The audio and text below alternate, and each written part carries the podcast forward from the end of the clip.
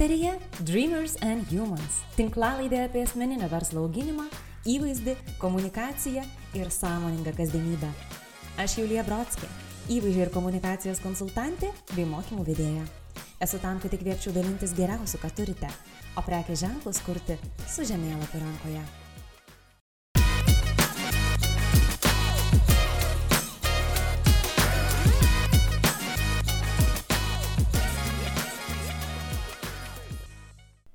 Sveiki. Tikriausiai vis dažniau tenka išgirsti frazę susipažinome Instagrame. Taip nutiko ir mūdviem su šiandieninės laidos pašnekove, socialinių tinklų rinkodaros konsultante Indrė Širkienė. Mano pašnekovė socialinius tinklus atrado tada, kai pati įkūrinėjo savo drabužių prekės ženklą. Augindama verslą ir ieškodama būdų pasiekti savo klientą, kaip pati sako, paskendo komunikacijos mokymuose, įtraukusiuose taip, jog nusprendė tęsti savo karjerą būtent komunikacijos srityje. Indrė teigia, kad puikiai supranta visus smulkiuosius verslus, kurie viską turi pasidaryti patys, nuo buhalterijos iki produktų pakavimo. Todėl jos darbo tikslas yra suteikti įrankius ir atrasti efektyvius būdus, kurie padėtų plėsti klientų ratą ir didinti žinomumą socialiniuose tinkluose. Šiandien pasikalbėjome apie Instagram komunikacijos tendencijas, aktualijas bei mitus. Aptarėme, kam labiausiai tinka ir netinka LinkedIn, nagrinėjome vieną aktualiausių šiuo metu Facebook įrankių - grupės. Ir koks potencialas slypi šiame rodos vis mažiau mėgstamame kanale. Galiausiai kėlėme klausimą, kas yra vertės kūrimas socialinėme tinkle ir ar kartais nesusiauriname jos prasmės. Linkiu malonaus klausimasi. Labas, Indrė. Labas, labas. Indrė, noriu padėkoti tau iš tikrųjų jau iš anksto visos auditorijos vardu, kad skyriai laiko savo patirties ir žinių tam, kad visi žmonės sužinotų kažką naujo, įkvepiančio, galbūt net ir niekada negirdėto. Aš labai noriu padėkoti, kad pakvietei. Truputėlį, kaip ir sakiau, jaudinuosi, nes na, pirmą kartą tokiam formate esu. Ir labai džiaugiuosi iš tikrųjų, kad galiu pasidalinti savo žiniomis, savo išvalgomis. Ir aš labai tikiuosi, kad galbūt tos išvalgos, kurias aptarsim šiandien, pravers tiem, kurie vysto savo komunikaciją socialiniuose tinkluose. Arba dar tik planuoja vystyti ir nežino, o tai nuo ko čia atsispirti ir kokių klaidų nedaryti, arba uh, kokias tendencijas reikėtų įtraukti į savo komunikaciją. Tai labai tikiuosi, kad šitas podcast podcastas suteiks tam tikrų žinių ir, ir išvalgų. Bet aš labai labai noriu, žinok, prieš griūnant į visus šitos rimtus dalykus, e, iš karto noriu tavęs paklausti, Indrė, o tai koks yra tavo pačios mylimiausias socialinis tinklas? Ar yra toksai ir kodėl? E, taip, aš turiu, man labai patinka LinkedInas iš tikrųjų. Tai būtų mano turbūt vienas iš mėgstamiausių, bent jau šiai dienai, šiai akimirkai, Mm, iš tikrųjų, todėl, kad LinkedIn'e aš pasisemiu labai daug idėjų, žinių. Tai yra tas socialinis tinklas, kuriame aš jaučiu, kad, žinai, kai skrolinu, aš tobulėju. Ne, arba aš esu save apsupusi tam tikrai žmonėmis, LinkedIn'e gali būti ir toks dalykas, nes tikrai mhm. seku nemažai uh, pasaulinio lygio rinkodaro specialistų, e, kūrybininkų, reklamos, kurie, nu, labai vairių žmonių. Ir būtent, kai skrolinu LinkedIn, aš visada jaučiu beprotiškai didelę dozę įkvėpimo ir žinių. Ir galbūt dėl to man labai patinka, nes aš nesijaučiu išvaiščių savo laiko, gal taip galima būtų pasakyti. Man mhm. gera yra būti tame socialinėme tinkle. Antroji vietoje būtų Instagramas, turbūt jis man taip pat labai patinka, dėl to, kad jame yra daugiau laisvės, ko pavyzdžiui, linktinė yra ganėtinai nedaug palyginus. Tai va, tai Instagramas suteikia tokios laisvės, ypatingai dabar, kalbant būtent apie Lietuvą, linko eina tas Instagramas ir kaip viskas keičiasi, jisai taip pat tampa ta platforma, kurioje gali gauti labai daug įkvėpimo, labai daug žinių. E, viskas priklauso nuo to, kaip tu apsupsi save, kokią tą auditoriją turėsi renkiesi, ko, kokius žmonės tu seksi iš tikrųjų. Tai vad, ką aš iš tikrųjų padariau prieš daugiau nei metus, aš atsekiau visus influencerius, kuriuos sekiau, o juos aš sekiau dėl to, kad dirbau agentūroje ir na, turėjau juos sekti, kad matyčiau, kas vyksta ir galėčiau integruoti į reklamos kampanijas tam tikrus žmonės. Ir kai aš išėjau iš agentūros, aš pajutau tokią laisvę, kad aš galiu atsekti juos. Ir tam tikrus influencerius aš atsekiau ir pasiekiau vietoj jų mažesnius profilius, kurie dalinasi įvairio naudingą informaciją, ten pradedant etiketų, baigiant tą pačią komunikaciją, teisę, o kartais ir tiesiog dalinasi gražiu vizualiniu turiniu.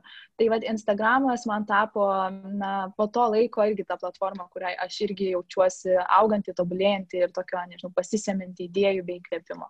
Tai va. O tavo? Mano, žinok, tikriausiai Instagramas yra numeris vienas. Ir aš dabar, žinai, beklausydama tavęs galvoju, kad, na, vat, čia šitoje vietoje ir pradedu girdėti tokį dalyką, kad žmonės eina į socialinius tinklus dėl skirtingų priežasčių, su skirtingais e, tikslais. Pavyzdžiui, tavęs beklausant, man toks jausmas, kad tu eini tobulėti, siekdama savo naudos, ne, kažkokių žinių ir panašiai ir panašiai. Aš iš tikrųjų pastebiu pagal save, kad e, einu daugiau įsikvėpti, e, nes tiesiog truputį pavargau nuo mm, nuolatinių patarimų, taisyklių, visokios edukacijos ir panašiai, norisi jau atskirti, žinai, kažkaip į Instagramą norisi eiti vos netruputį pailsėti, o visur mhm. kitur galbūt padirbėti. Ir va šitoje vietoje jau pradedu girdėti, aha, galbūt iš tikrųjų vieną kažkokį socialinį tinklą galima naudoti vienais tikslais, o kitą kitais. Mhm. E, labai geras pastebėjimas ir klausimas. Iš tikrųjų, sutinku, žmonės į socialinius tinklus eina visiškai skirting, skirtingais tikslais.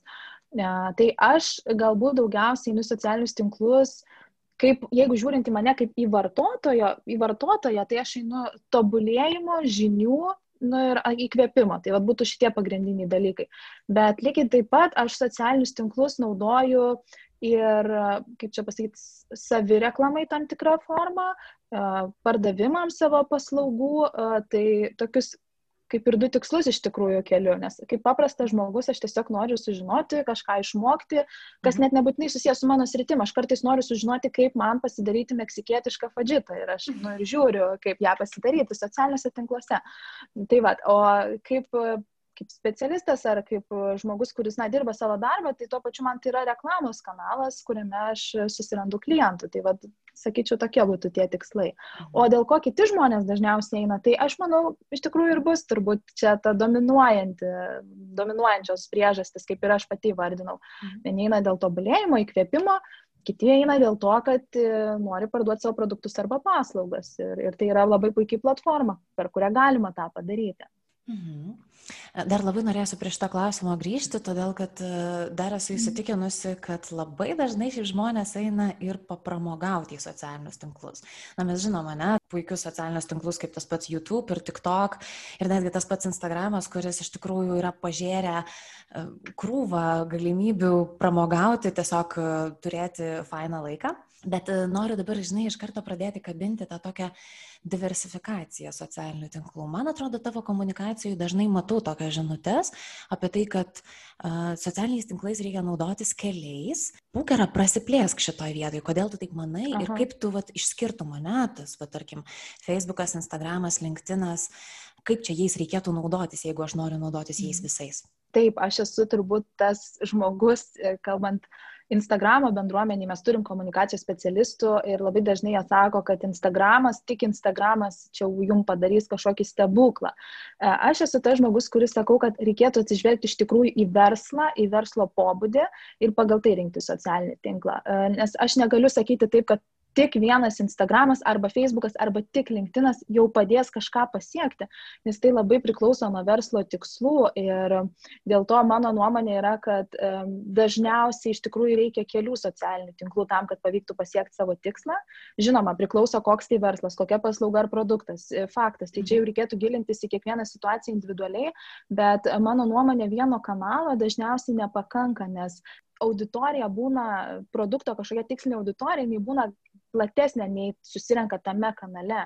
Mhm. Ir, arba tas pats produktas, jisai būna skirtas kartais nebūtinai vienai auditorijai, o dviem ir ganėtinai mhm. skirtingom. Ir, pavyzdžiui, viena auditorija galbūt renkasi Instagrame, o kita LinkedIn. E.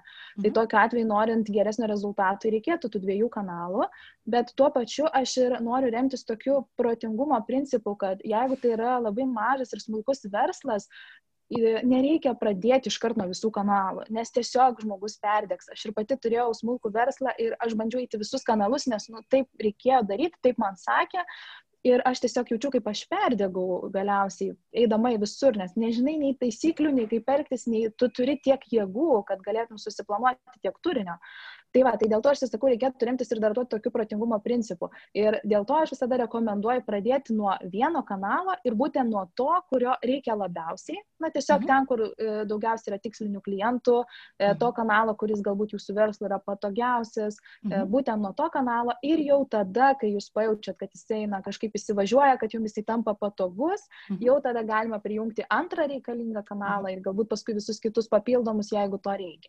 Tai va, tai aš iš tikrųjų ir vadovaujuosi tuo požiūriu, kad vieno kanalo nu, dažniausiai neužtenka, dėl to reikėtų visada žiūrėti plačiau ir ieškoti būdų, kaipgi apjungti tuos kanalus, jeigu man reikia ne vieno kanalo.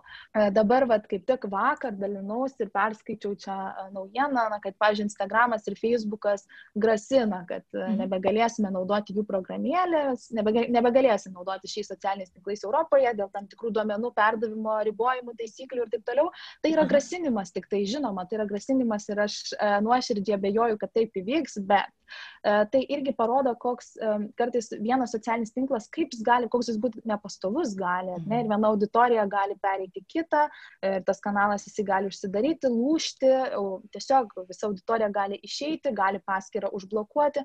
Dėl to, kai mes turim kažkokį antrą socialinį tinklą, mes turime šiek tiek daugiau to stabilumo.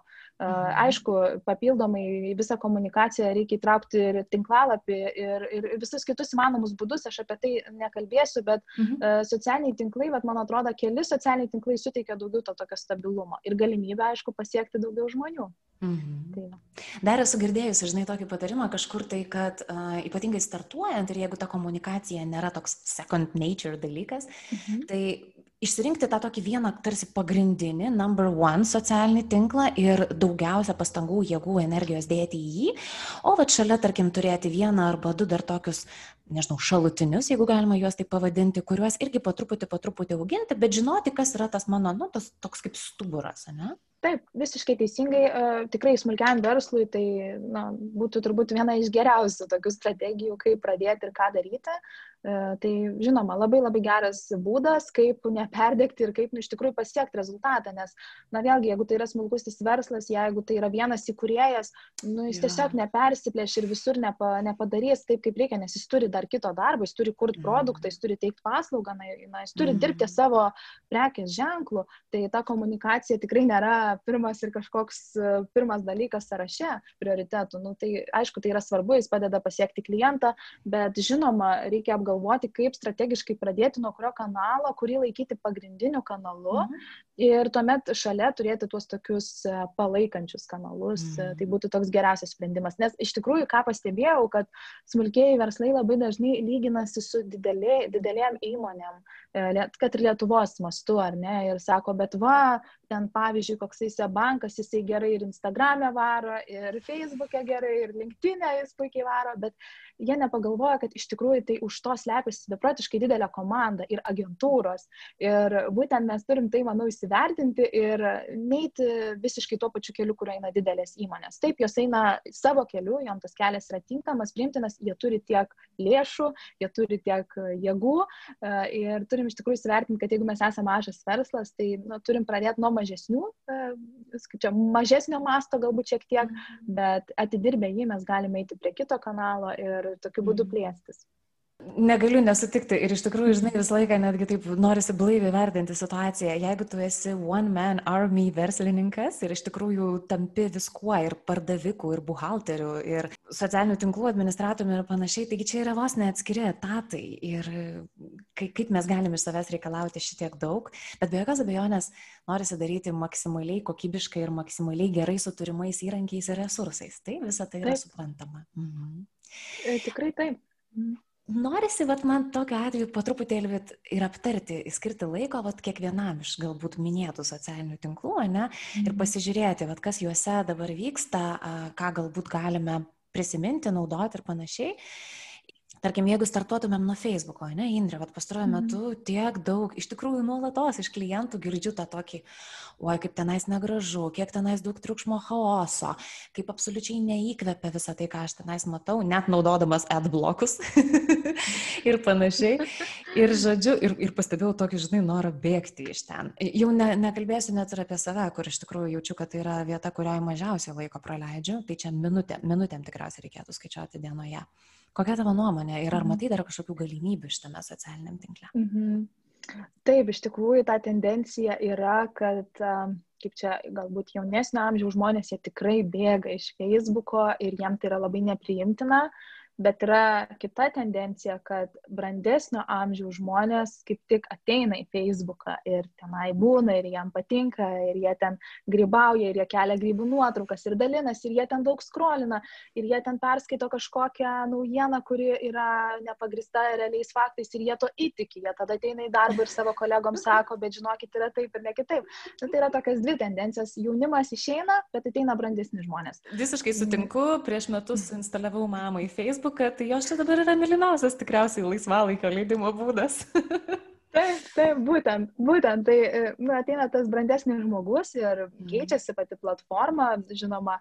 Tai Facebookas iš vienos pusės taip, jisai yra kaip ir mirštantis, jeigu mes kalbėtume apie jaunesnę auditoriją, bet iš kitos pusės aš sakyčiau, kad jis atgimsta tik tai gal kita prasme, tenai turėsim mhm. turbūt daugiau brandesnių žmonių, mhm. na, lyginant su kitomis platformomis. Ir ypatingai iš tikrųjų Facebook'e pastaruoju metu auga grupių reikšmė, mhm. tai tam tikros, net sakyčiau, bendruomenės, kurios, kurios būrėsi tam tikras grupės pagal tam tikrą temą savo. Tai va, tai iš tikrųjų šita reikšmė auga ir kas įdomiausia, kad į tas grupės jungiasi ir jauni žmonės, jie po truputį grįžta, nes tose grupėse jie atranda tai, ko jiems reikia labiausiai. Tai reiškia, tenai nėra tokio dažnai didelio triukšmo, nes grupėse tenai yra bandoma užtikrinti, kad jeigu tu prisijungi į grupę, kurioje kalbama apie Instagram ir tau tai yra aktualu, tai va ten ir bus ta informacija. Ir žmonės mielai grįžta, prisijungia į grupės ir, ir būna jose. Tai va, tai e, tos grupės, jų reikšmė tikrai labai auga pastaraisiais metais Lietuvoje, sakyčiau, per šiuos metus tikrai labai daug ir padaugėjo tų grupių ir didieji prekės ženklai, pavyzdžiui, Maxima lygiai mhm. taip pat įkūrė savo Facebook'o grupę, kurioje vienyje žmonės kurie nori ten e, rūpintis maistu, jo pirkimu tam tikrom taisyklėm. Kadangi nesu toje grupėje, tai nepasakysiu tiksliai, ko jie siekia, bet mhm. grupė pati vienyje va, tam tikrą bendruomenę žmonių ir Maksima sukūrė tą grupę. Tai e, net ir dėli prekės ženklai bando apjungti savo kažkaip bendruomenę, turėti, ją, gali, turėti galimybę pasiekti ją, nes Facebook grupės įrašų pasiekiamumas yra žymiai didesnis nei tiesiog Facebook puslapio pasiekiamumas. O, oh, good tai, to know. taip, mhm. taip, tai čia toks įdomus faktas, jo, iš tikrųjų verta turėti grupę ir aš sakyčiau, apskritai socialiniai tinklai, na, ne veltui yra socialiniai. Ta prasme, tai, tai yra žmonės, tai yra dialogas, tai yra bendruomenė.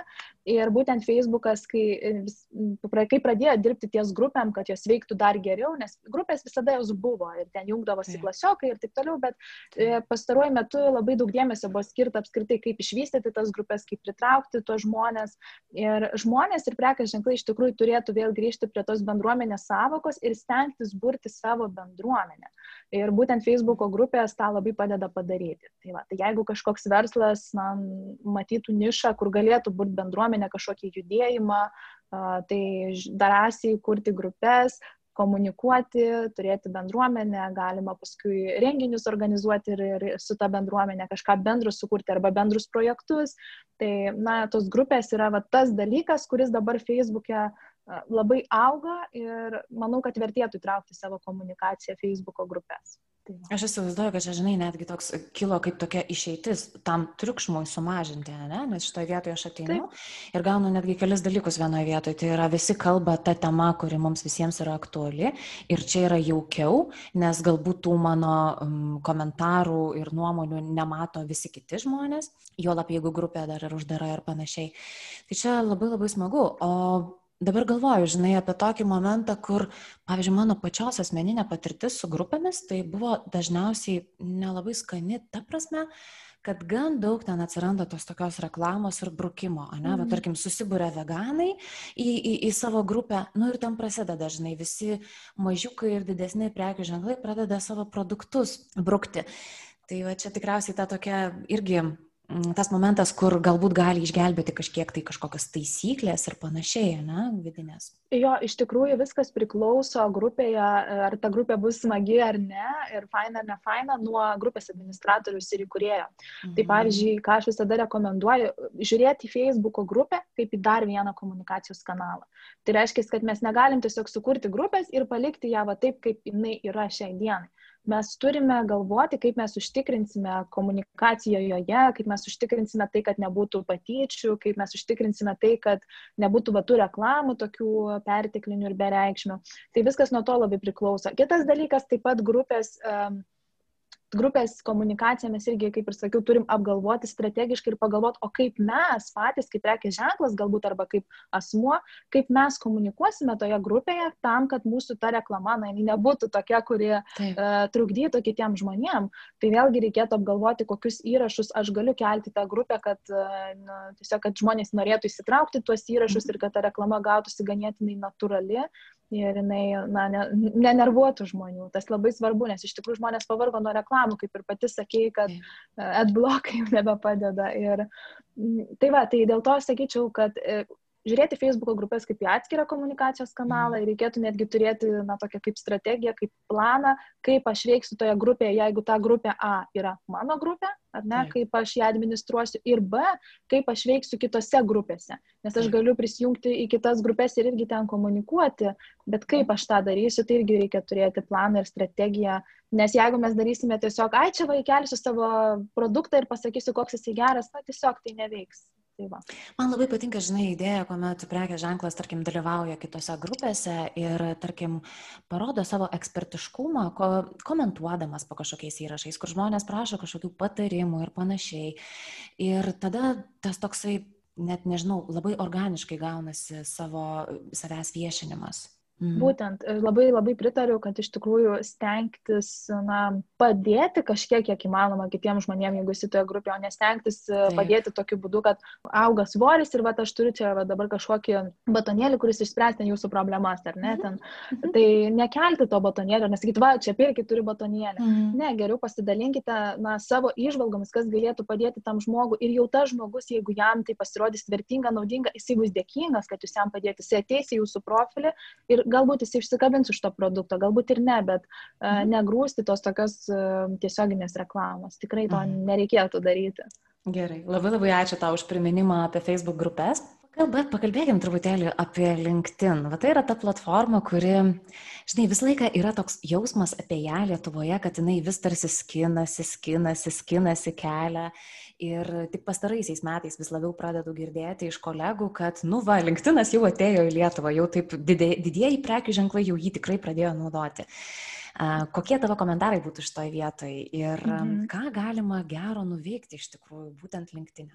Tai LinkedInas iš tikrųjų labai stipriai augo, ypač karantino metu, buvo matomas jo labai didelis šuolis. Mhm. Tai man atrodo, LinkedIno atstovai yra HTT Pool įmonė ir Šarūnas Sakalauskas yra kaip Lietuvos atstovas, sakykim mhm. taip. Tai vad jisai dalinosi, bent jau kiek aš mačiau paskutinį jo įrašą, kad LinkedIn'e turim 490 tūkstančių žmonių, kas yra na, nemažas kiekis ir jis yra augantis sparčiai, kaip ir sakiau, per karantiną labai augo. Taip, Lietuvoje, taip, taip, taip, Lietuvoje. Lietuvoje. Mhm. Jo, tai iš tikrųjų nemažas skaičius tų žmonių ir aišku, kiek jų aktyvių yra, čia kitas klausimas, bet jų yra aktyvių kiekvienoje srityje, bent jau kiek man teko matyti ir žiūrėti, e, tai tiesiog reikia atrasti tuos žmonės, bet tuo pačiu ten yra dar labai tokia neišnaudota, neišnaudotas tuo pačiu socialinis tinklas, tai tie, kurie tiem, kuriem tiktų šitas kanalas, jie turėtų tenai būti. Tačiau šitas kanalas, kaip ir pati jau galbūt šiek tiek ir užsiminiai, na, jis nėra galbūt kiekvienam skirtas. Reikėtų labai atidžiai atsižvelgti, ar tinkamas jisai yra. Tai pavyzdžiui, na, tiesiog pasidalinsiu, viena klientė kreipėsi į mane, jinai yra vestuvių fotografija, orientuojasi konkrečiai vestuvių fotografiją. Mhm. Ir vat, vienas žmogus, irgi komunikacijos konsultantas, pasakė jai, jog LinkedInas jai yra būtinas. Nu, mes visi kalbėjom, kad e, kaip čia ją išnaudoti ir jinai pati sako, man labai keistai ta rekomendacija nuskambėjo ir jinai tiesiog nusprendė pasitikslinti su manim, mes su ja susirašėm, pabendravom ir iš tikrųjų išsiaiškinau, kad jai tikrai nėra būtinas tas kanalas, tai nėra tas kanalas jai tinkamas. Žmonės tenai susirenka labiau tokiai verslo, profesiniai, karjeros komunikacijai. Tai jeigu jinai ieško klientų vestuvių ar ne fotosesijom, tai jie tikrai žymiai labiau tiks Instagramas arba Facebookas. Tai va, tai irgi va čia tas toks įsivertinimas, kokio kanalo man reikia. Tai va, o LinkedInas jisai iš tikrųjų augantis ir jisai ypatingai tinka tiem, kurie galbūt planuoja e, vesti mokymus savo, tiem, kurie nori keisti savo profesiją, savo sritį, sulaukti naujų darbo pasiūlymų, e, tiem, kurie gali savo paslaugą arba produktą parduoti verslam. Ne? Nes linktinė yra labai daug sprendimų prieėmėjų. Tai reiškia, linktinė jūs galite tikrai e, susikontaktuoti su didelių įmonių vadovais ir užmėgsti su jais ryšį, na ir tokiu būdu galbūt pasirašyti bendradarbiavimo kažkokį projektą. Tai vad linktinas yra būtent ta platforma. Ir um, iš tikrųjų, kas linktinė dabar labai man patinka ir kokią aš tendenciją matau, kad ten atsiranda daug autentiškumo. Jeigu seniau mes buvome pratę linktiną matyti kaip verslo portretų socialinį tinklą, kur visi rimti, CV. visi prie darbo stalo. Vieši CV sudėti. Aha. Taip, taip, taip, taip, visi rimti, visi prie darbo stalo, visi kostiumuoti. E, dabar po truputį, po truputį keičiasi šita tendencija ir mane tai džiugina ir žmonės įneša autentiškumą. Tai reiškia, žmonės nebebijo įkelti nuotraukos, kurie ofise sėdi su treningu ir su šuniu, jie nebijo įkelti nuotraukos, kur savaitgalyje galbūt prabėgo maratoną, žmonės po truputėlį tą turinį įvairina ir daro gyvesnį ir tai mane džiugina. Aišku, mhm. vis tiek tai nėra tokio ligmens turinys kaip Instagrame, ar ne, kur mes ateinam į kavinę, nufotografuojam maistą ir keliam. Ne, tai nėra tokio ligmens, bet jau žmonės po truputį bando parodyti ir savo asmenybę, tą savo asmeninę pusę, ne tik karjeros pusę, kad va štai padarėm tokį projektą, va tokie rezultatai ir įkelia nuotrauką, kur su kostiumu stovi, visi standartiškai. Mhm. Dabar žmonės iš tikrųjų, kaip ir sakiau, laisvėja ir man atrodo puikus ta pavyzdys, jeigu kas naudojatės LinkedIn, tai galite pasiekti Karolį Rimku. Mhm. Jis yra puikus pavyzdys, kaip pagyvinti savo komunikaciją, kaip nebūti tuo korporatyviniu žmogum, kuris nuolat va, su tuo pačiu kostiumu prie griežto, griežtam ofise, prie stalo darbo ir panašiai. Tai vad Karolis Rimkus iš tikrųjų nevengia parodyti ir savo asmeninio tam tikro gyvenimo, tai ir puikiai tą papildo, priveda prie savo asmeninių stiprybių, mhm. kurios aš tikiu jam padeda jo darbe ir ta komunikacija labai įdomi ir puikiai susižiūri. Aha. E, turiu tokį dar asmeninį pavyzdį, mm, tarkim, yra tokia aviakompanija, kurioje kadaise su vienu kolega dirbome ir pastebiu savyje, kad nu, visiškai man neįdomu, tarkim, sekti pačią aviakompaniją, patį e, prekės ženklą, ne? Tačiau mhm. tą kolegą, kuris vis dar dirba toje, toje aviakompanijoje, man be galo įdomu sekti, todėl kad jisai tarsi ir komunikuoja daug apie avia verslą ir panašiai, bet kai visą tai tarsi perfiltruoja per savo asmeninę patirtį, per save kaip per asmenybę, wow, žiūri įdomu paskaityti tas žinutės ir panašiai ir atrodo, kad, na, truputėlį esi dar toje temoje ir supranti ją. Ir va šitoje vietoje man kyla Tokia mintis, norėjau irgi užklausti tavo nuomonės, susidaro įspūdis, kad galbūt netgi labai verta pagalvoti apie savo įmonės komunikaciją, e, išeinant iš, iš jos vat, pavadinimo ir, ir nekalbant per, ją, per jos prizmę kaip per jos būtent pozicionavimą, bet labiau per save patį. Mhm. E, labai geras pastebėjimas, labai geras pavyzdys iš tikrųjų tavo mhm. duotas yra ir ką aš galbūt galėčiau kaip išplėsti šį pavyzdį. Tai iš tikrųjų pastebėjau, kad būtent ir komunikacija apie įmonę, ar ne, jinai yra efektyviausia per darbuotoją LinkedIn platformoje. Na, natūralus dalykas, žmonėm uh, įdomu sekti kitus žmonės, jie labiau pasitikė kitais žmonėmis, tad uh, neišnaudoti savo savęs kaip vadovo galbūt arba savo darbuotojų kaip ambasadorių įmonės, uh, na, būtų galbūt šiek tiek ir gaila, nes tai būtų praleista galimybė mhm. pasiekti daugiau žmonių, formuoti savo įvaizdį tam tikrą.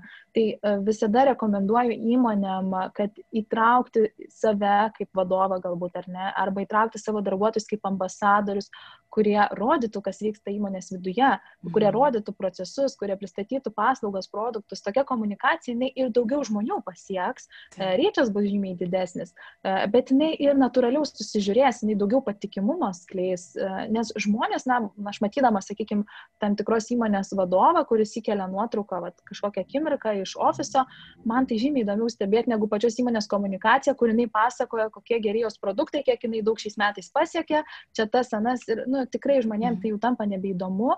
Ir yra nemažai Lietuvo įmonių, kurios stengiasi įtraukti savo darbuotojus į komunikaciją. Tai pavyzdžiui, Lidl tą daro, turi marketingo vadovą, kuris kuris, kuris pristato savo įmonę LinkedIn, LinkedIn paskyroje. Vilniaus oro uostas turi Beatričę, kuri lygiai taip pat per, savo, per save komunikuoja. Tai va, tai turim tikrai tokių pavyzdžių gerųjų, kuriuos e, galima pasitelkti, kuriuos galima pasitelkti ir įvykdyti ne tik didelių, didelių įmonių mastu, bet ir mažų. Ir ypač mažiem verslam, kurie nori įti linktiną, tai e, didžiausia rekomendacija ir būtų pradėti nuo ambasadorių, nuo savo įmonės darbuotojų. Labai patinka ambasadorių idėja, man tiesą sakant, ir mhm. manau, kad ir patiems darbuotojams tai gali būti tokia papildoma motivacija ir augimas vidinis. Nu, ir jau nešnekant apie tai, kad auditorija gali gauti tikrai fainos naudos tokios. Mhm. Taip, taip, visiškai teisingai, kaip ir pati pasakėjai, tai yra darbuotojams papildoma motivacija. Aišku, mhm. tikrai tas integravimas darbuotojų komunikacija, na tai nėra paprastas procesas, reikia sugalvoti ir paaiškinti darbuotojams, kodėl jie turėtų tą daryti. Mhm. E, faktas tai nėra paprasta, bet, bet na, yra tikrai įmonių, kurios sugebėjo tą įgyvendinti ir sėkmingai tą toliau įgyvendina ir jų mhm. įrašai, jų žinomumas tikrai didėja. Tai mhm. verta būtų apsvarstyti ir, ir šią komunikacijos liniją. Mhm. Ačiū. Na, tai pakalbėkime apie tą platformą, kur minėjau, kad mano mylimiausia, o gal tiesiog tai yra ta vieta, kur daugiausiai laiko praleidžiu online, kai būnu. Mhm. Instagramas, ne? Norėtųsi truputėlį apžvelgti kažkokias tai tendencijas pagrindinės, galbūt matai mhm. mados kažkokius momentus, kurie dabar bunda arba jau vystosi Instagrame. Mhm. Jo lab, kad jaučiu, kad mūsų klausosi daugiausia irgi šiuo bent jau momentu tie, kurie daugiausia galbūt ir naudojasi Instagramu. Nu, tai skirkim jam šiek tiek laiko. Gerai. Tai smagu, kad tau patinka šitą platformą, man irgi jinai patinka ir aš manau, kad vis daugiau žmonių įsimylė šią platformą. Ir ne veltui, nes iš tikrųjų Instagramas labai labai stengiasi. Jis stengiasi integruoti daug naujų funkcijų, kurios pritrauktų žmonės. Tai turbūt jau daugelis yra girdėję apie Reels mhm. funkciją, kuri yra kaip ir TikToko kopija, na ir daug visokių kitų funkcijų, tie patys storiai, kurie buvo, kurie atėjo iš Snapchato ar ne. Visą tai Instagramas viską, ką pamato iš kitų socialinių tinklų geriausia, perneša pas save. tai va, dėl to turbūt ta platforma ir yra daugelio mylima ir tikriausiai taip ir išliks dar ne vienerius metus, nes nu, tikrai platforma stengiasi, stengiasi pritraukti vartotojus. Mhm. Tai va, tai kalbant apie tendencijas, um, galbūt turinio tokia tendencija, na, keisi šiek tiek ir keičiasi, tai pavyzdžiui, žmonėms reikia autentiškumo apskritai. Dabar tai, ką šiandien kalbėjau, nežinau ar pastebėjai, bet daug kur reikia to autentiškumo. LinkedInas remiasi į autentiškumą, Facebookas, na, taip pat remiasi ir Instagrame, labai labai reikia to autentiškumo ir man atrodo dabar kaip tas autentiškumas pasireikšti, kad žmonės, na, pavyzdžiui, keldami tuos pačius reelsus, jau tenai labai daug nenudailinsi visko. Jeigu ten ir bus kažkas, nežinau, susipikseliavę ar kažkas ne iki galo gražu ir neišdirbta be efekto, nieko tokio, keli. Tai yra toks mhm. trumpai vartojamas video turinys ir žmonėms patinka žiūrėti tai, kas nėra išdirbta iki galo, tai, kas nėra iki galo tobula. Nes žmonės iš tikrųjų, bet Instagramas jisai atėjo su tokiu vizualiniu turiniu, viskas turi būti gražu, viskas turi būti švaru, šviesu ir žmonės truputėlį pavargo nuo to, na, sakykime, galbūt netikrumo, nes tikrai gyvenime ne viskas būna gražu, švaru ir šviesu, taip kaip mes vaizduojam socialiniam tinkle. Mhm. Ir žmonės nori to autentiškumo. Ir dabar, kai e, žmonės nori nuotraukų, kurios nėra apdirbtos efektais, ir jau vis didėja ta tendencija ir vis daugiau mes tokių nuotraukų matysime, tie patys storiai, kas dabar vyksta pastaruoju metu, po truputį, po truputį ateina judėjimas, darykime storius be filtrų būkime oh. natūralų savo istorijose. Tai dar tai ateina, bet aš tikiu, kad po metų tai mhm. taps tokiu, na, kaip ir labai svarbių dalykų - būti savimi, nesidėti jokių filtrų, nesidėti filtrų, kurie ten pridaro daug makiažo ir panašiai. Tai va toks irgi natūralumo ir autentiškumo tam tikras judėjimas. Tai to autentiškumo beprotiškai reikia Instagrame ir bet kuriam kitam socialiniam tinkle. Ir būtent Instagramas labai leidžia tą išpildyti per reelsus, per storius, kur mes galim filmuoti tiesiog savo kasdienybę ir būtent tie storiai, kuriuose žmonės leidžia savo šiek tiek sufeilinti, galbūt ne taip žodį ištarti, galbūt nukrenta jų kamera, galbūt dar kažkas ten užlūšta. Ir žmonės įkelia tos storius ir jie pamato, kad tie storiai sulaukia daugiausiai įsitraukimo. Kodėl? Mhm. Nu, todėl, kad žmonėms atsibodo tas e, nudailintas gyvenimas ir jie nori tikrumo. Tai va, ir aš iš tikrųjų visiems savo klientam rekomenduoju Instagrame ypatingai remtis savo tikrumu, nuoširdumu ir nesistengti visko išdailinti tobulai. Geriau kartais įkelti tą storį, kuriam bus ten klaida. Na, ne taip žodį pasakysit. Ir nieko tokio, kelkit. Tai bus žmonėms labai įdomu. Jiems supras, kad ir jūs esate žmonės. Tai va tas yra labai svarbu. Žinai, man šitoje vietoje atrodo, kad mes dažnai pamirštame, jog um, ta mūsų tikrai nu, tobula, nudailinta nuotrauka ar video gali kitą priversti jaustis nepatogiai, negerai, kažkokiu šiek tiek outsideriu, ne, kažkokiu nepritampančiu, nes, nu, vat, aš tai sėdžiu su treningais ant sofos, o tu tai va čia kažkokioje gražioje vietoje su tobulu makiažu ir panašiai. Man atrodo, reikia jo kažkaip prisiminti vis dažniau ir dažniau, kaip mes norime, kad mūsų auditorija jaustusi. Ir man atrodo, kad yra didžiulis iššūkis, bet tuo pačiu ir labai įdomus kūrybiškumo toks momentas, visgi mokėti įkvėpti tą savo auditoriją ir pateikti jai gražų, skanų turinį, bet nenuglensintą, ne, ir tuo pačiu išlikti maksimaliai autentišku. Man atrodo, čia yra tokia dabar siekiamybė, ne, pastarųjų metų. Taip, taip, visiškai teisingai. Žinoma, tas, ta, ta labai svarbu yra atrasti balansą, bet ir mhm. labai sunku to pačiu atrodo. Mhm. Šiaip apskritai reikėtų, aišku, remtis į prekės ženklą kaip tokį, koks jis yra, ką jis nori pasiekti. Galbūt jeigu tai yra prabangos prekės ženklas, vėlgi pagalvoti, kiek galima sauliaisti ar ne kelti nenudailinto turinio. Ta labai svarbu yra daryti, nes, na, jeigu jūs čia pasakė, kad dabar autentiškumas ir čia nereikia nieko dailinti ir pradėsit kelti nenudailinti, padailintą, na tiesiog žmonės, žmonės sakys, o tai kas čia atsitiko šitam prekės ženklui, kodėl jis čia keičiasi.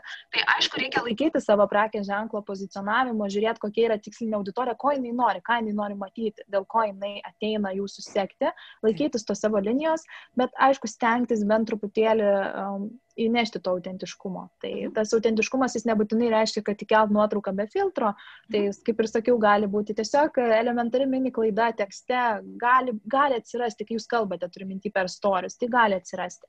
Tai tiesiog nebijoti klysti ir tą pripažinti ir žmonės tą myli, iš tikrųjų jiems tas patinka. Mm, tai va, e, tuomet, kas dar dėl Instagramo man gal mane labai džiugina, tai kad žmonės iš tikrųjų stengiasi parodyti ir va, tą savo asmeninę pusę ir ypač tie žmonės, kurie yra patys savo verslai, kurie arba tiesiog teikia savo paslaugą vienas žmogus, tai žmonės nebebijo savęs parodyti per storius, jie save filmuoja, e, jie pasakoja patys, mes matom jų gestus, mes matom jų šypseną, jų akis, jų emociją, jų balso toną ir tai mums tikrai leidžia užmėgsti labai artimą ryšį. Ir net ir man pačiai yra buvę, kad susitinku su klientė gyvai ir jis sako, atrodo, kad aš jūs jau pažįstu. O kodėl taip yra? Nu, todėl, kad mato per storius, mato, kaip aš kalbu, tiesiog pažįsta mhm. mane. Aišku, per online pasaulį pradžiai pažįsta, paskui susitinka offline, bet jau atrodo, atsiranda tokia emocija, kad aš pažįstu tave kažkiek. Man tu labai artima esi kažkuo, nes nu, susigyveni su tuo žmogum, kai jis siekia. Įmonės lygiai taip pat e, dar nėra galbūt pilnai išnaudojusios, bet norėtųsi, kad daugiau išnaudotų ir parodytų savo tą tokį vidinį įmonės gyvenimą, kad leistų darbuotojams pasireikšti per storius, kad leistų vadovui pasireikšti per storius ir kažką papasakoti. Tokia komunikacija bus tikrai įdomesnė nei tiesiog kelti ar ne savo produkto nuotraukas. Tai va, tai toks e, trendas, kuris irgi galbūt, sakyčiau, Instagrame įsivažiuos, tai kad ir įmonės pradės įgalinti va, savo darbuotojus komunikacijai. O Indrė, ar tu čia turi omeny tuos vadinamosius takeoverius, kuomet va, mes Taip. leidžiam kažkam kitam, tarkim, kelias dienas komunikuoti už mus? Gal čia galime šiek tiek Taip. prasiplėsti žmonėms apie tai? Man asmeniškai labai labai patinka šita mhm. komunikacijos forma ir pakalbam apie tai. Jo, tai kalbant apie tuos takeoverius, aš, žinai, prisimenu tokį vieną pavyzdį Lietuvoje, Ikėjos pavyzdį. Aha. Ką jie padarė, tai jie Ikėjos vidinius interjero dizainerius ir kitus specialistus įgalino, kad e, tam tikrą dieną, bet jų tas specialistas atsakys į jūsų klausimus apie interjerą. Tai va, mhm. tai ta komunikacija buvo tokia įdomi, kad žmonės pradėjo sekti tą paskirtą, nes, nu, ten specialistas, kuris dirba IKEA, IKEA darbuotojas, jis jums atsakys jūsų klausimus. Tai yra labai įdomu. Mhm. Tai va, tai čia toks pavyzdys, kuris tikrai gali būti nu, visiems geras, geras toks pavyzdys, tuo pačiu ir galbūt tikrai galima ne vienoje įmonėje tą išnaudoti. Ir va tas tai story takeover, jisai leidžia pagyvinti komunikaciją, jisai leidžia žmonėm pažinti darbuotojus, kas irgi yra labai svarbu, ypač smulkiajam versle. Yra labai svarbu, kai tu ateini, pavyzdžiui, į kepiklėlę, tarkim, ateinu į duonos kepiklėlę, nu, man fainai, kai mane pasitinka žmogus, kurį aš mačiau per storius, sakykime, tos įmonės komunikacijai. Nu, tiesiog mhm. visai kitoks ryšys. Uh mhm. Ir irgi turi, man atrodo, dabar prisiminiau Agnės Duonelę, kepiklėlę Aha. Lietuvoje, uh, kurie irgi tą daro ir jie įgalina savo darbuotojus komunikuoti. Tai kartais tai. aš pamatau ir storius filmuoja duonos kepėją, kuri kepa uh mhm. duoną ir jinai kartais tam tikrom dienom pafilmuoja, ten truputėlį papasakoja. Storius filmuoja ir įmonės kepiklėlės įkūrėja Na ir tikrai pajauti tokį stiprų ryšį su tuo smulkiuoju verslu ir nepaisant nieko, aš vis tiek renkuosi juos. Nors aš galiu nusipirkti duoną remi parduotuviai, kuri yra čia visai šalia manęs, bet aš važiuoju iki jų, nes tie tiesiog man tapo labai artimi, nes aš stebiu jų komunikaciją, man labai patinka ir aš pažįstu, atrodo, juos visus ir jie man yra artimi, aš noriu pirkti iš jų. Mhm. Na, va, viskas vis tiek atsiriamia į santyki ir kažkokį vidinį ryšį, net jeigu jisai toks gali būti kartais šiek tiek vien, vienpusis, ne, nes tu juos pažįsti, o jie tavęs ne, bet nesvarbu. Bet žinai, išnekant apie tikroverius, dar labai norėjau pažymėti, jeigu kartais auditorijai mm. nėra tekę matyti, man dar, žinai, labai smagi yra ta forma, kuomet tarkim, aš sakau vieną žurnalą ir žurnalas leidžia tiesiog net ne savo darbuotojams, o tiesiog um, vertybiškai galbūt sutampantiems žmonėm irgi pasiimti tam tikrą dalį, eterio dalį. Tarkim, kažkoks mhm. dizaineris arba rašytojas e, trim keturiom dienom e, ima jų stories ir pasakoja kažką iš savo pozicijos, iš savo pusės. Man atrodo, tai įneša tiek um, tokio nenuspėjamumo turiniui ir taip gražiai tą atskiedžia žurnalo komunikaciją, kurią, nu, mes jau maždaug žinom, kaip ten kas būna ir panašiai, ne? Tai va dar toks formatas yra visai fainas, apie kurį, man atrodo, kažkaip nepagalvoju negalvojam dažnai. Mhm, labai fainas formatas, aišku, gal nepagalvojam, nes ganėtinai sunku gal įgyvendinti yra mm. jį ir, na, reikia ieškoti tokių būdų, bet tuo pačiu šitas, va, tai, ką tu pasakai, man, žinai, remiasi dar tokį dalyką, kuris irgi socialiniuose tinkluose tampa vis svarbesnis, tai yra kolaboracija su kitais prekės ženklais, su kitais žmonėmis. Ir būtent e, iš tikrųjų, smulkusis, pavyzdžiui, verslas ar ten žmogus, jisai gali duoti savo stories, daryti kitam specialistui, kuris papildytų jo temą, tokiu mm. būdu profilis taptų įdomesnis, kaip ir sakai, jisai būtų mažiau galbūt nuspėjamas ir, mm. ir tikrai žmonėms būtų įdomu stebėti, bet tai būtų ir tam tikra kolaboracija, kur, na, galima apsikeisti savo auditoriją tokiu būdu. Ir, ir, ir kodėlgi to nepadarius. Aš nekant dar apie tendencijas arba, arba kažkokias madas, dar turi kažką pasižymėjusi. Dabar galvoju, gal dar tokia viena įdomi tendencija, kuri šiais metais na, labai stipriai pasireiškia, tai yra karuselės. E, tai Instagram'e tokie įrašai, kur sukeli iki dešimt nuotraukų ir tada su pirštu taip į šoną slinkdamas gali peržiūrėti nuotraukas arba tai nuotraukas arba kažkokį turinį. Taip. Ir būtent ta tendencija remiasi galbūt, kurią aš noriu aptarti, ne į nuotraukas, nes nuotraukas jau žmonės ir seniau, kai tik atsirado ta funkcija, jie ir sukelinėdavo ten po kelias nuotraukas. Bet dabar iš tikrųjų pradėta išnaudoti tas karuselės ir tam tikram informatyviam turiniui, ar ne, kur galbūt mes galim paimti ir tą patį tekstą surašyti labai didelę paklodę, bet mes galim tą patį tekstą sudėti tuos vizualus ir atskleisti per tai ir žmonėms bus žymiai paprasčiau perskaityti ir žymiai įdomiau tą daryti. Ir aš pati, kai pradėjau naudoti šitą metodą, tai Lietuvoje, man atrodo, dar labai daug nebuvo naudojančių, būtent, kad tai būtų su tekstu karuselė. Šitas metodas labiau užsienį buvo paplitęs ir iš mhm. ten aš pasėmiau šią idėją. Mhm. Na ir paskui žmonėms labai labai patiko, iš tikrųjų buvo labai geri rezultatai tų įrašų, išsisaugojimo prasme, tai visiškai kosmosas, daugiau safe paspaudimų nei like paspaudimų, mhm. kas rodo, kad tikrai tas turinys yra beprotiškai naudingas žmonėms. Ir aišku, tai kelia ir profilio pasiekiamumo rodiklius, ir tuo pačiu ekspertiškumą žmogaus, jeigu norisi jį formuoti, o man norisi tą daryti, tai, na, man labai pasteisino šitas turinys. Ir kaip tik buvo tyrimas neseniai atliktas, kad būtent karuselės yra vienas iš efektyviausių geriausių turinio formatų Instagrame šiuo metu. Mhm. Ir jo, tyrė tiesiog, kiek žmonių galima pasiekti su karuselėm, kaip galima auginti savo profilį pasitelkus karuselės. Tai va, tai karuselės yra vienas iš efektyviausių būdų, todėl naudokit jį. O kodėl jis yra toks efektyvus, tai iš tikrųjų, man atrodo, ganėtinai paprastas paaiškinimas. Apskritai visų socialinių tinklų algoritmas gyveikia labai panašiai. Kuo daugiau laiko mes praleisim prie tam tikro įrašo, tuo labiau tas socialinis tinklas manys, kad tas įrašas yra įdomus ir rodys į didesniai daliai žmonių. Tai va ta karuselė, jinai ir leidžia užtikrinti, kad žmogus praleis prie įrašo ganėtinai daug laiko. Mhm. Nes jisai, kol peržiūrės visas tas nuotraukas, kol perskaitys, kol galbūt dar kažką pakomentuos, na ir susidarys ten kokių 30 sekundžių, manau, tikrai gali būti to laiko. Tai va, ir tokiu būdu, va, todėl tas karuselės ir tapo vienu iš efektyviausių formatų, nes, na, jisai tikrai sustabdo žmogų, užkabina jį ir ypač gerai parengtas turinys, gerai parengta karuselė tikrai gali žmogų mhm. užkabinti, sustabdyti ir, na, tuo pačiu padėti jūsų profiliui aukti. Mhm. Jo lab, kad jeigu visą tą tekstą, kurį sudėjome karuselės, mes sudedame tiesiog į uh, įrašą patį tekstu, ne visada norisi jį skaityti. Kažkaip akis uh, galvoja, kad, ai, čia mhm. labai labai daug teksto, praleisiu. Tuo tarpu, kai visą tai atsiduria karuselėse, mums kažkaip tai patraukliau akiai. Psichologinis taip, momentas matyt. Aha. Žinoma, žinoma, tikrai, kaip ir sakau, netrodo, kad tas įrašas jau toks ilgas, koks jis yra iš tikrųjų. Nors jeigu tą patį tekstą perkelčiau įrašą, tai turbūt net netilptų į simbolių limitus visus.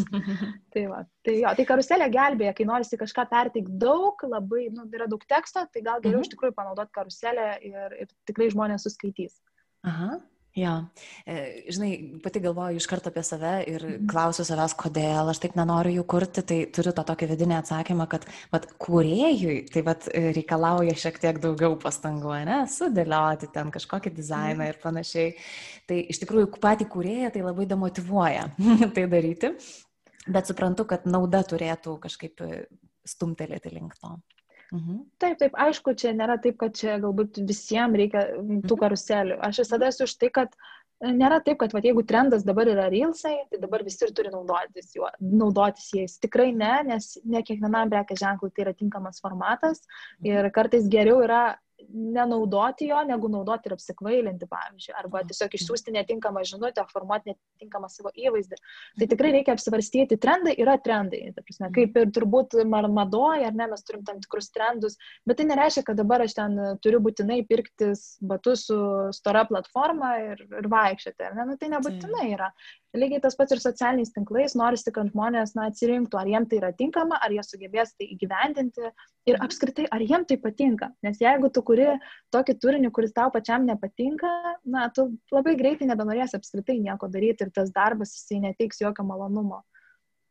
Labai labai patinka šitas samoningumo pliūpsnis šitoje laidoje mm. ir labai, man atrodo, laiku ir vietoje nuskambėjęs, nes jo kažkaip irgi pastebiu, kad dėja vis žmonės dažnai pradeda prastai jaustis, kai tu jiems pripasak, prisakai daug, daug, daug taisyklių, instrukcijų ir panašiai ir jiems tada iš vis nusvyra rankos. Tai labai labai ačiū už šitą žinutę mm. apie tai, kad sąmoningai žiūrėkime į savo komunikaciją ir į visokias taisyklės, ką daryti ir ko nedaryti. Mhm. Taip, taip, visiškai teisingai. Aišku, aš kartais ir pati jaučiu tokią labai didelę atsakomybę su savo komunikacija, tai ką aš darau mhm. Instagrame, Bet um, iš tikrųjų tai, ką aš darau Instagrame, labai dažnai remiasi į testavimą. Aš labai mėgstu tam tikrus dalykus, kurie vyksta, tie patys reelsai, aš labai mėgstu išsitestuoti tam, mhm. kad aš galėčiau paskui padėti kitiem ir pasakyti, kas iš tikrųjų veikia ir neveikia. Nes mhm. sutikim, mes galim pasižiūrėti, perskaityti straipsnius ar video, kaip Amerikoje veikia reelsai, bet Lietuvoje yra biškai kitaip, Lietuvoje mhm. visai kitos tendencijos.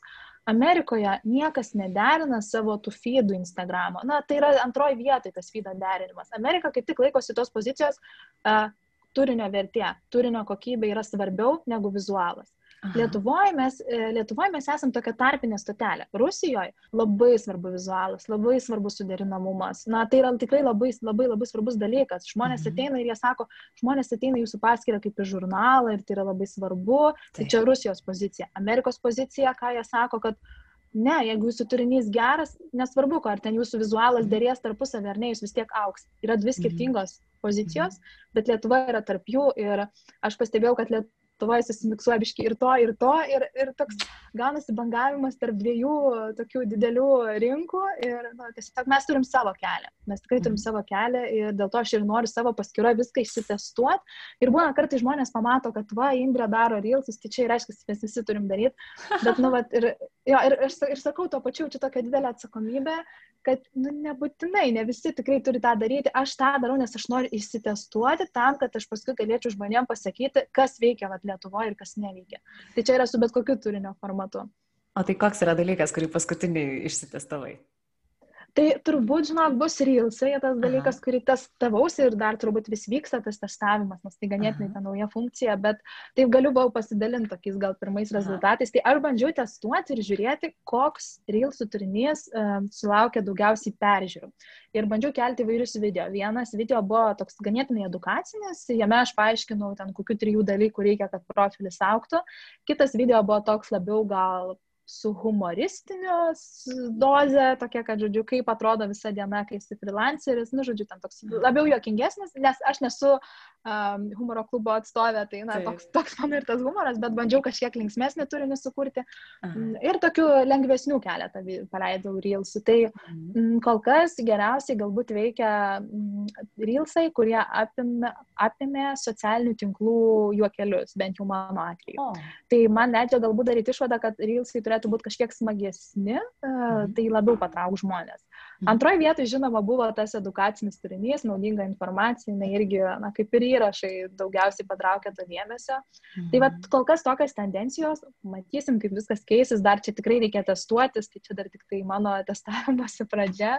Labai įdomu, kaip veiks ilgesnė reilsų forma, kuri neseniai atsirado, tai 30 sekundžių jau galima kurti video. Mhm Tai va, labai įdomu, kaip tai veiks, kaip tai viską pakeis. E, Na, nu, žodžiu, tai va, tai smagu bandyti, bet tuo pačiu, kaip ir sakau, kartais atrodo, kad uh, norėtųsi, kad žmonės įvertintų, jog aš bandausi daug dalykų ir tai nereiškia, kad ir visi turi tą patį daryti ir, ir nėra būtina visų, visų įmanomų turinio formatų panaudoti savo komunikaciją. Aš sulaukiu dažnai va tokio klausimo. Kur dabar dėti tą video turinį? Ar į Reelsus, ar į IGTV, ar į Stories, o gal iš viso padaryti laivą. Ta prasme, jaučiu, kad žmonės šiek tiek pasimetinėja šitoje vietoje. Mhm, geras klausimas. E, žinok, labai priklauso turbūt nuo koks tas video yra, e, koks koks jis yra, ar tai yra, nežinau, įvaizdinis kažkoks produkto ar ne video, ar tai yra jūsų, nežinau, žmogaus istorija nufilmuota, labai labai priklauso, vad, nuo koks tas video yra. Aš sakyčiau, kad yra Instagram TV toksai kaip YouTube atmaina tam tikrą prasme, tai turbūt Instagram TV tinka ilgesniem video, tiem video, kurie yra virš dviejų minučių ir, ir ilgesni, ir ten net iki valandos galima tą video įkelti. Tai toks tikrai ilgas turinio formatas. Tai jeigu tai yra ilgas video, turbūt Instagram TV būtų tinkamiausias, aišku, formatas. Mhm. Jeigu tas video yra trumpas, na tai tuomet galbūt tinka ir kaip paprastą įrašą video formatu kelti. Bet vėlgi reikia žiūrėti, koks tas turinys, ar jis yra linksmas, ar jis yra edukuojantis ir panašiai.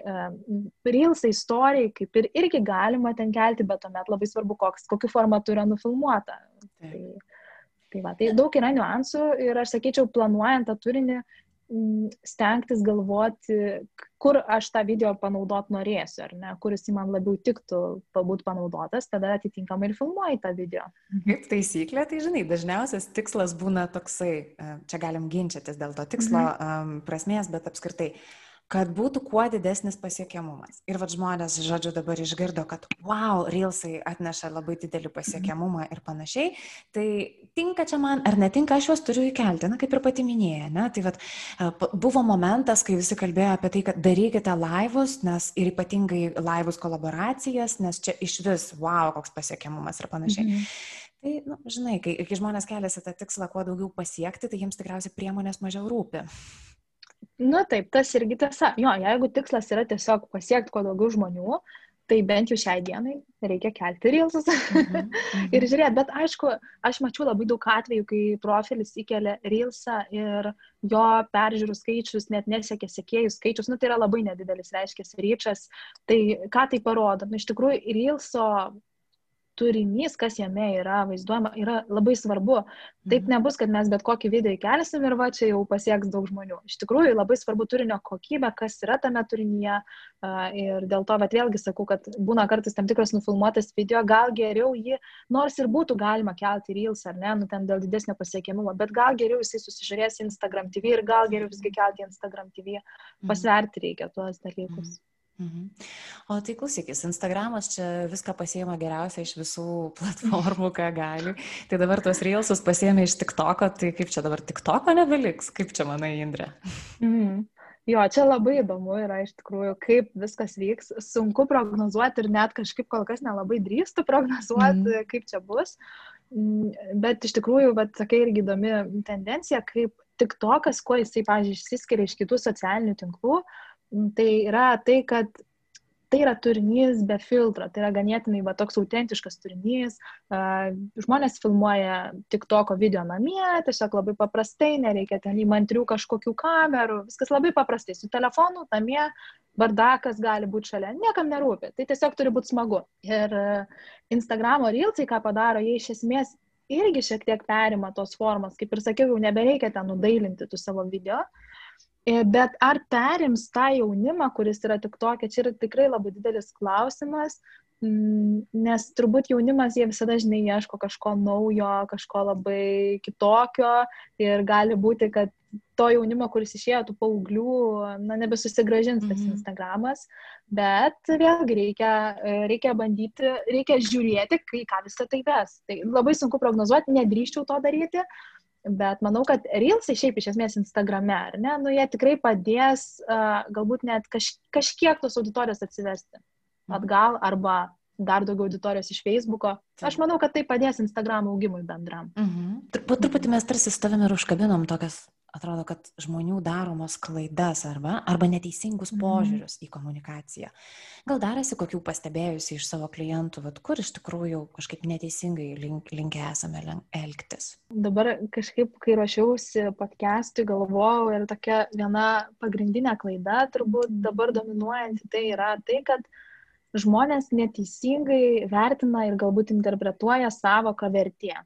Mm. vertė kaip tokia. E, tai iš tikrųjų, ką dažnai žmonės galvoja, kad jeigu aš sakau, kad reikia kurti vertingą turinį, tai reiškia, tai yra lygų patarimai. Bet e, nebūtinai patarimai. Iš tikrųjų, vertė gali remtis į e, įtraukiantį turinį, kažkokį linksminantį turinį, tiesiog emociją kažkokią galim žmonėms suteikti. Tai vad, ką aš pastebėjau, kad žmonės labai užsikabino už to žodžio vertė Ir visi, absoliučiai visi, visi, visi, visi pradėjo dalintis patarimais, kaip kažką pasidaryti. E, tai nereiškia, kad yra blogai dalintis patarimais. Viskas yra gerai ir tikrai tam tikriem tikslam tokio turinio reikia. Pavyzdžiui, mano turinyje yra ganėtinai daug patarimų, uh, Ir šitą dalyką aš pasirinkau sąmoningai daryti, nes aš tiesiog noriu save pozicionuoti kaip, na, kaip socialinių tinklų konsultantė, specialistė. Aš tiesiog noriu, kad žmonės mane žinotų ir matytų kaip žmogų, kuris išmano tai, ką daro. Ne veltui aš pasirinkau tuos patarimus. E, nepasirinkau kažkokio linksminančio turinio, na, nes tiesiog tai manęs neatspindėtų ir šiaip kaip žmogaus. tai va, tai uh, man atrodo, tiesiog reikia labai gerai įsivertinti, ar ta vertė tikrai jūsų atveju yra lygų patarimam. Galbūt jūs galite vertę suteikti uh, per emociją, sukurdami kažkokią emociją, galbūt jūs galite vertę suteikti uh, įkvėpimu, galbūt jūsų turinys gali to įkvėpimo žmonėms duoti. Mm, tai tiesiog va, ta klaida, kad vertė yra nelygų patarimai. Tai va tą noris iš tikrųjų labai pabrėžti, kad žmonės pagalvotų, kokią vertę gali suteikti nebūtinai remiantis tik į patarimus. Mhm. Ir tikriausiai eksperimentuoti šitoje vietoje irgi labai labai mhm. kvieščiau auditoriją. E, pati iš savo patirties, nežinau, kaip tai nutiko, nepastebėjau kada, bet kažkaip į savo storius vieną kitą kartą įkėliau kažkokį komiksą arba kažkokią tai būtinę visiškai juokingą frazę ir žiūriu geras, kiek reakcijos pareina. Ir tada suprantu, okei, okay, šitas turinys žmonėms rezonuoja, nors jis tarsi nelabai ką turėjo bendro su mano savęs pačios pozicionavimu. Bet va, prašau. Taip, taip, visiškai teisingai. Reikia bandytis ir testuotis. E, niekas jums nepasakys vienos, vienos teisingos skripties, vieno teisingo kelio ar turinio formato. Tikrai čia yra testavimosi kelias ir bandymosi kelias ir paskui jau jūs matysite, e, į ką labiausiai auditorija įsitraukia. E, taip pat matysite, ką jums smagiausia yra kurti ir daryti ir tokiu būdu atsirinksit savo kryptį. Tai vat, man atrodo, tai yra labai svarbu. Mhm. Aišku, reikėtų įsivertinti turbūt, ką daro ir konkurencinė aplinka, mhm. kad jūs galėtumėt kažkuo išsiskirti ir nebūtumėte dar vieni tokie patys. Mhm.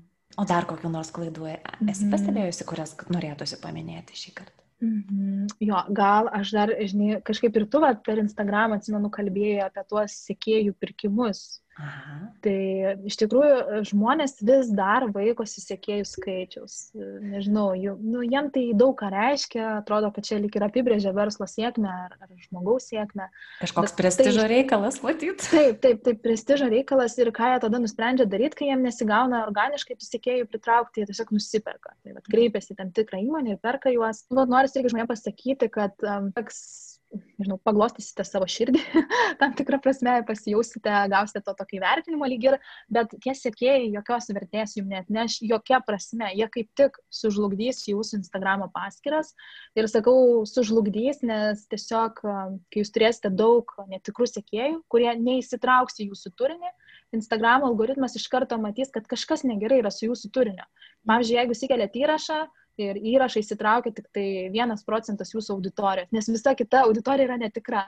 Tai tiesiog jūsų, tas, jūsų įrašas, jūsų ryčas, jūsų profilio matomumas, jisai bus mažinamas, mažinamas ir, kaip sakau, profilis tiesiog po truputėlį mirs ir mhm. jūs patys užkertat savo kelią aukti. Tai dėl to aš labai rekomenduoju jokių būdų nepirkti sėkėjo, jokiais būdais. Ir mes dabar Instagrame gaunam vis daugiau žinučių, čia nupirksiu sėkėją už, už 3 eurus, 100 sėkėjų ir taip toliau, arba prisijungi kažkokią grupę, kur žmonės susijungia ir vieni kitus followina ir laikina. Tai, tai yra lygiai tas pats, tai yra būdai, kurie jums nepadės aukti ilgoje perspektyvoje. Mhm. Jeigu mes žiūrime į trumpą perspektyvą, tai taip žinoma. Mhm. Taip pat labai dažnai būna žmonės, kurie nori tapti kaip čia influenceriais, na, mhm. nori galbūt e, uždirbti pinigus iš reklamų ir jie dažnai sako, kad čia prisipirksiu sėkėjų ir viskas, čia jau e, prekės ženklai kreipsis į mane. Bet iš tikrųjų irgi, ką noriu pasakyti, kad prekės ženklai tikrai turi programas ir agentūros turi programas, per kurias gali patikrinti, kiek jūsų followerių kredibilumą. Tai mhm. jeigu jūs, na, ir bandysite apgauti savo kažkokią auditoriją, tai jau tų prekės ženklų tikrai neapgausite. Tai, va. mhm. tai labai atsargiai reikia žaisti, žaisti, pirkti, nepirkti, tu su tais sėkėjais labai labai atsargiai reikia elgtis ir aš rekomenduoju jokių būdų nepirkti. Jeigu žiūrite ilgą perspektyvą, jeigu norite rezultato, nepirkit sėkėjų, tikrai organiškai jūsų auditorija auks. Ir dabar yra kaip tik vertinamos tos mažos, lojalios bendruomenės ir netgi prekės ženklai vis dažniau kreipiasi į mikroinfluencerius, į nišinius žmonės, kurie gal turi tūkstantį tų sėkėjų, o gal net ir kartais neturi tūkstančio, bet jie gali generuoti puikius pardavimus žmogus. Mhm. Todėl uh, tikrai nesiorientuokit, kad jums čia vat, kažkoks žmogus žinomas turi šimtą tūkstančių ir jums būtinai tiek reikia. Uh, mhm. Tikrai, tikrai nebūtinai. Jūs galite būti puikus nišinės srities atstovas uh, ir jūs galite iš, iš to uždirbti darydami reklamą. Mhm. Ar yra dar kažkas, ką norėjai paminėti? Gal mhm. apskritai bendraja prasme, vat, jau taip pabaigai šiandieną? Mhm. Apie ką galbūt nepakalbėjom, bet tau, tau atrodo tai svarbu? Mhm.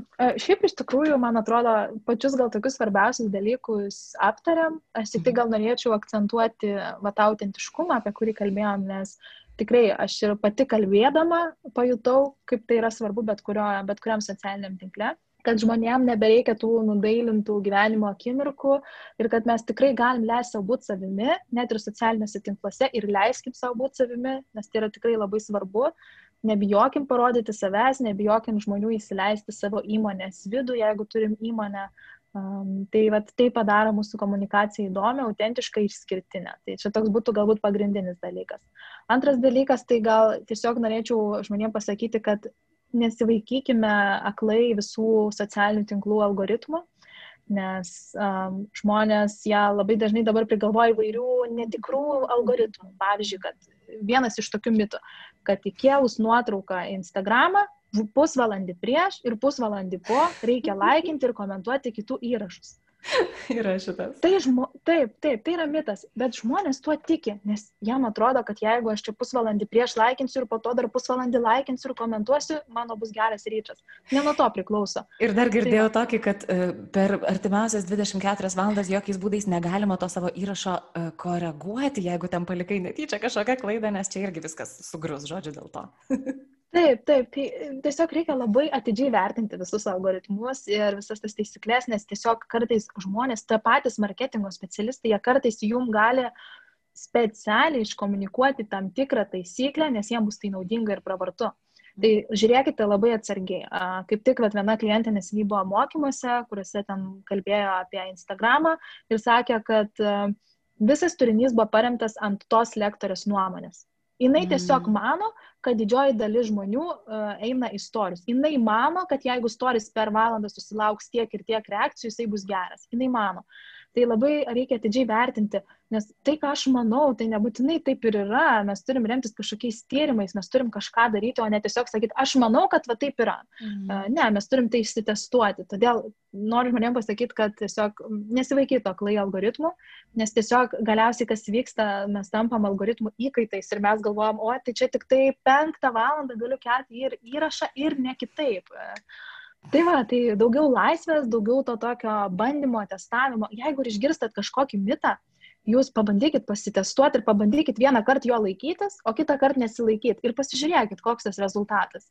Ir galbūt jūs tikrai patys įsitikinsit, kad na, tai yra nesąmonė. Arba atvirkščiai galbūt jums suveiks ir sakysit, kad jo tai veikia, verta. Tai va, mm. tai norisi galbūt tokių dviejų akcentų - autentiškumas ir mažiau vaikytis tų algoritmų.